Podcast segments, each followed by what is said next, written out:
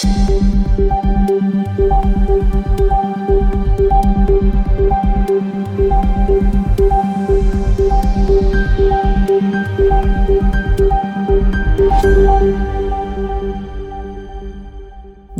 tilbake til Krimnytt, en podkast for deg som ønsker å følge med på aktuelle true crime-saker. Første saken er en sak som vi har fulgt i Krimprat med Lise og Fiona. Og nå har det skjedd en utvikling i saken. 22. september i år 2023 så ble levninga av Susanne Morphy funnet under et urelatert søk i byen Moffads i Sagoish County. Dette er ca. 46 minutter i bil fra familiehjemmet. Susann hadde da vært savna i tre år, og da 49 år gamle Susann forsvant 10. mai 2020, så fikk saken mye oppmerksomhet. Som sagt, hvis du vil høre hele saken, så kan du gå tilbake til de to episodene meg og Lise hadde i Krimpraten med Lise og Fiona. Og nå skal vi også gi deg litt av forhistorien her. Det var 10. mai 2020 at den 49 år gamle tobarnsmoren Susanne Morphew ble meldt savna. Denne søndagen så feirer amerikanerne morsdag, og når tenåringsbarna Macy og Mallory ikke fikk tak i Susanne på telefonen, så ble de bekymra og ringte naboen. Barry Morphew, Susannes ektemann, var på jobb i Denver, og døtrene var på leir en time unna. Naboen meldte fra om at Susanne ikke var hjemme og at sykkelen var borte. Naboen ringte da politiet og meldte Susanne savna søndag ettermiddag kvart på seks. Konklusjonen på den tida var at Susanne hadde dratt på sykkeltur og ikke kommet tilbake. Familiehjemmet ligger i Maysville, Colorado, og har bare en underkant på 150 innbyggere. Og huset de bodde i, var en svær villa omgitt av fjell og kratt. Søket starta umiddelbart, med droner og hunder på fjellet og i elva, men Susann ble ikke funnet. Susannes mann Barry Morphew tilbød da 50 000 dollar til de som kunne hjelpe med å finne Susann, og det samme gjør et annet familiemedlem. Barry tror på dette tidspunktet at Susann kan ha blitt tatt av en fjelløve. 15. mai så blir Susannes sykkel funnet i en skråning ca. 50 minutter sykkeltur unna familiens hjem. Området hadde vært søkt gjennom tidligere, og sykkelen den var ikke skada, og hundene kunne ikke plukke opp lukta av Susann. 7. oktober 2020 publiserer Barry Morphew en video der han snakker om potensielle kidnappere. Han har altså flere teorier om hva som kan ha skjedd med sin kone. Barry deltar ikke selv på noen av søkene, og broren til Susanne synes dette virker mistenkelig. På tidspunktet da Susanne forsvant, viste det seg at Barry var i Broomfield, litt forbi Denver. Først forklarte Barry at han var på en brannmannopplæring den helga, men når politiet undersøker nærmere, sier brannsjefen at de ikke hadde øvelser på den tida pga. pandemien. Da forteller Barry at han skulle finne et område til landskapsjobben sin. Politiet begynner også å undersøke hotellet som Barry sov på i Broomfield. Før han dro hjem på søndagen, ba han en av sine medarbeidere Jeff Puckett om å ta over for han. Da Jeff kom inn på rommet, mente han at det lukta sterkt av klor, og det var håndklær overalt. Senga var reid opp, men ikke av hotellet. Hotellet sa også noe om at de ikke bruker klor til å vaske rommene. Barry sa at klorlukten kunne kommet fra bassenget, men pga. covid så var bassenget stengt. Barry ga uttrykk for at han og Susanne hadde et lykkelig ekteskap, men det skulle komme fram at dette var langt fra sannheten. 6. mai 2020 sendte Susanne en tekstmelding til ektemannen, en tekst som indikerte at hun ønska å avslutte forholdet. Teksten lød Jeg er ferdig, jeg kunne ikke brydd meg mindre om hva du holder på med og har gjort i årevis. Vi trenger bare å finne ut av dette på en ordentlig måte. Tekstmeldingen var blitt slettet av Barry. 5. mai 2021, ett år etter Susanne forsvant, blir Barry Morphew arrestert. Han blir sikta på tre punkter. Murder after deliberation, tampering with physical evidence og attempt to influence a public servant. Det var i høringen at flere av disse tekstmeldingene kom frem. Ifølge rettsdokumenter ble det også funnet 59 kommunikasjoner mellom Susanne og kjæresten hennes, en mann hun hadde hatt et hemmelig forhold med. Under høringen fikk offentligheten vite at Susannes telefons siste ping ble plukket opp på natta 4.24 10. mai nær Pontius Spring, ca. ti minutter fra familiens hjem. Barry hadde sagt at Susanne sov klokka fem om morgenen da han dro på jobb, og Susannes telefon ble aldri funnet. Det kom også frem at telefonen til Barry var blitt slått av mellom 2.47 og 5.30 på morgenen. Det var blitt gjort mange søk i Morphew-hjemmet, men etterforskerne rapporterte at det ikke ble funnet blod. Barry hadde flere skytevåpen, noe som var naturlig siden Barry drev med jakt. Mistenkelige DNA-spor ble også funnet. På et overvåkningskamera installert av forrige eier fikk de treff for Susannes DNA. I bilen til Susann ble det funnet DNA på en ukjent mann. Det viste seg at denne mannen, som ikke politiet vet hvem er, kunne kobles til tre seksuelle overgrep. Det kom også frem i høring at bestevenninnen Sheila ba Susanne om å kjøpe en spypen for å sjekke om Barry var utro. Denne ble funnet med elleve lagra opptak og elleve sletta opptak i bilen til Barry. Pennen viste ikke bare opptak av Barry, men også lydopptak av Susanne der hun snakket intimt med en mann.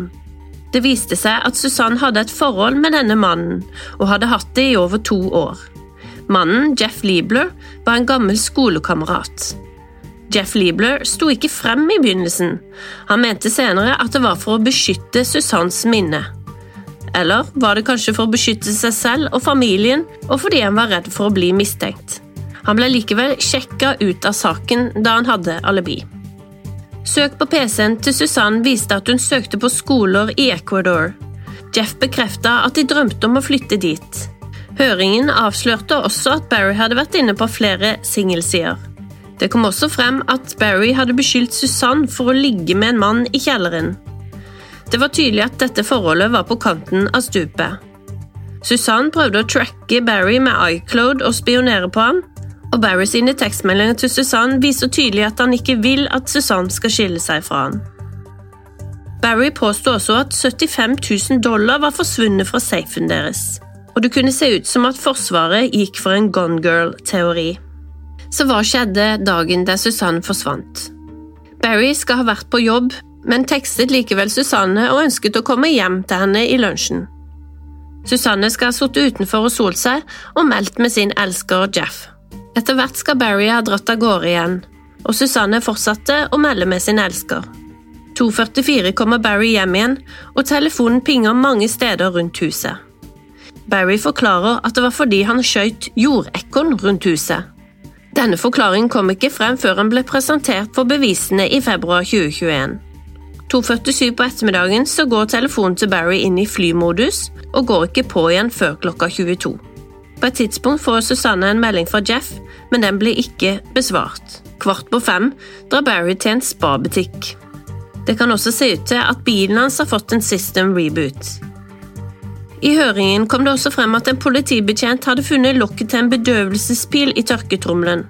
Pilen mangla i et sett av fire. En annen ting som hadde virka mistenkelig, var at Malorys seng var renska for sengetøy. 21.25 så rygger Barry sin bil inn på eiendommen og 22.47 så blir telefonen tatt av flymodus.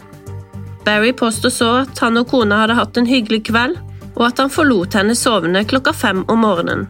Han skulle på en jobb i Denver. På veien til Broomfield så har Barry stoppa på ulike steder på veien for å kaste søppel. Hele fem stopp, og på ett sted så kaster han bedøvelsespiler. Og alt dette bygde opp til en rettssak, men bare tre uker før rettssaken mot Barry så blir saken droppa. Dommeren ville ikke la aktoratet få bruke flere sentrale vitner, fordi de unnlot å levere bevis til Forsvaret. Barry kan likevel bli sikta på nytt. Påtalemyndighetene mente at når de fant en kropp, så ville de kunne sikte Barry på nytt, men det har enda ikke skjedd. I mai i 2023 så anla Barry Morphew et føderalt saksmål for brudd på borgerrettighetene på 15 millioner dollar. Han mente han var blitt urettmessig arrestert, fengsla og tiltalt. Han mente også at politiet hadde hatt tunnelsyn. Nå blir det spennende å se hva som skjer etter obduksjonen, om politiet kan finne flere bevis. Krimnytt følger saken. Tupac Shakur, som gikk under scenenavnet Tupac, og Machiavelli, var en verdenskjent amerikansk rapper. Han hadde stor innflytelse og er en av de mest selgende artistene gjennom tidene og har solgt over 75 millioner plater på verdensbasis. Tupac var bare måneder fra å fylle 25 år da han ble skutt og drept i en drive-by-skyting i Nevada, Las Vegas 7.9.1996. Tupac ble truffet av fire skudd og døde på sykehuset seks dager senere, den 13. september 1996. Den gang Tupac ble drept, ble mistanken blant vennene hans raskt retta mot rapperen The Notorious Big, da han og Tupac lenge hadde hatt en konflikt gående. Men bare seks måneder senere, i mars 1997, ble også Notorious Big drept i en drive-by-shooting. Det har senere blitt avvist at Notorious Big hadde noe med Tupac sitt drap å gjøre. Siden den gang har drapet stått uløst, og ingen har noen gang blitt dømt for drapet på Tupac men 29.9. i år kunne politiet opplyse at de har arrestert en mann de mener er den som bestilte drapet på Tupac. Dwayne Kefty Davis, nå 60 år, har en stund vært kjent for etterforskerne som en av de fire mistenkte som tidlig ble identifisert i etterforskningen. Han er ikke mistenkt for å være den som trykka på avtrekkeren, men for å være lederen for en liten gjeng og den som beordra drapet. I Nevada kan man bli sikta og dømt for drap hvis man har medvirket. Av de fire mistenkte er det kun Duane som ennå lever. Politiet opplyste på en pressekonferanse at de mener Dwayne er mannen som organiserte og planla drapet på Tupac, og han fikk andre til å gjennomføre planen for ham. I juli i år gjennomførte Las Vegas-politiet en ransaking av Dwaynes hjem, og skal ha funnet gjenstander som styrker mistanken om at han medvirka til drapet på Tupac. Dwayne er også onkelen til et gjengmedlem som gikk under navnet Baby Lane Anderson, som også var mistenkt for å være skytteren da også han hadde en dispute med Tupac på den tiden han ble drept. Anderson har alltid benekta å ha noe med drapet å gjøre og han døde selv i en skyteepisode to år etter drapet på Tupac. Under ransakingen av Dwaynes hjem skal politiet ha tatt beslag på flere datamaskiner, en mobiltelefon, en harddisk, flere dokumenter, et magasin som hadde hovedoppslag om Tupac, flere pistolhylstre og marihuana. I 2019 så ga Dwayne ut en Tell All-biografi ved navn Compton Street Legend, hvor han forteller at det var han som framskaffa våpenet som Tupac ble drept med. Det var Dwayne sine egne utsagn som satte fart på etterforskningen og ledet til arrestasjonen og siktelsen av Dwayne nå i 2023. Dwayne skal møte i retten denne uka, sikta for drap og gjengaktivitet, som kan gi 20 ekstra år i fengsel. Det var alt vi hadde i denne ukas Krimnytt. Følg oss gjerne på Instagram og få med deg episodene om Susanne Morpheus som ligger på Krimprat med Lisa og Fiona. Vi høres.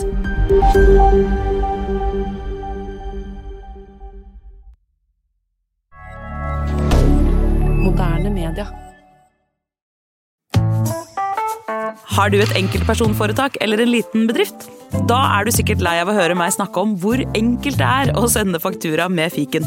Så vi gir oss her, fordi vi liker enkelt. Fiken superenkelt regnskap. Prøv gratis på fiken.no.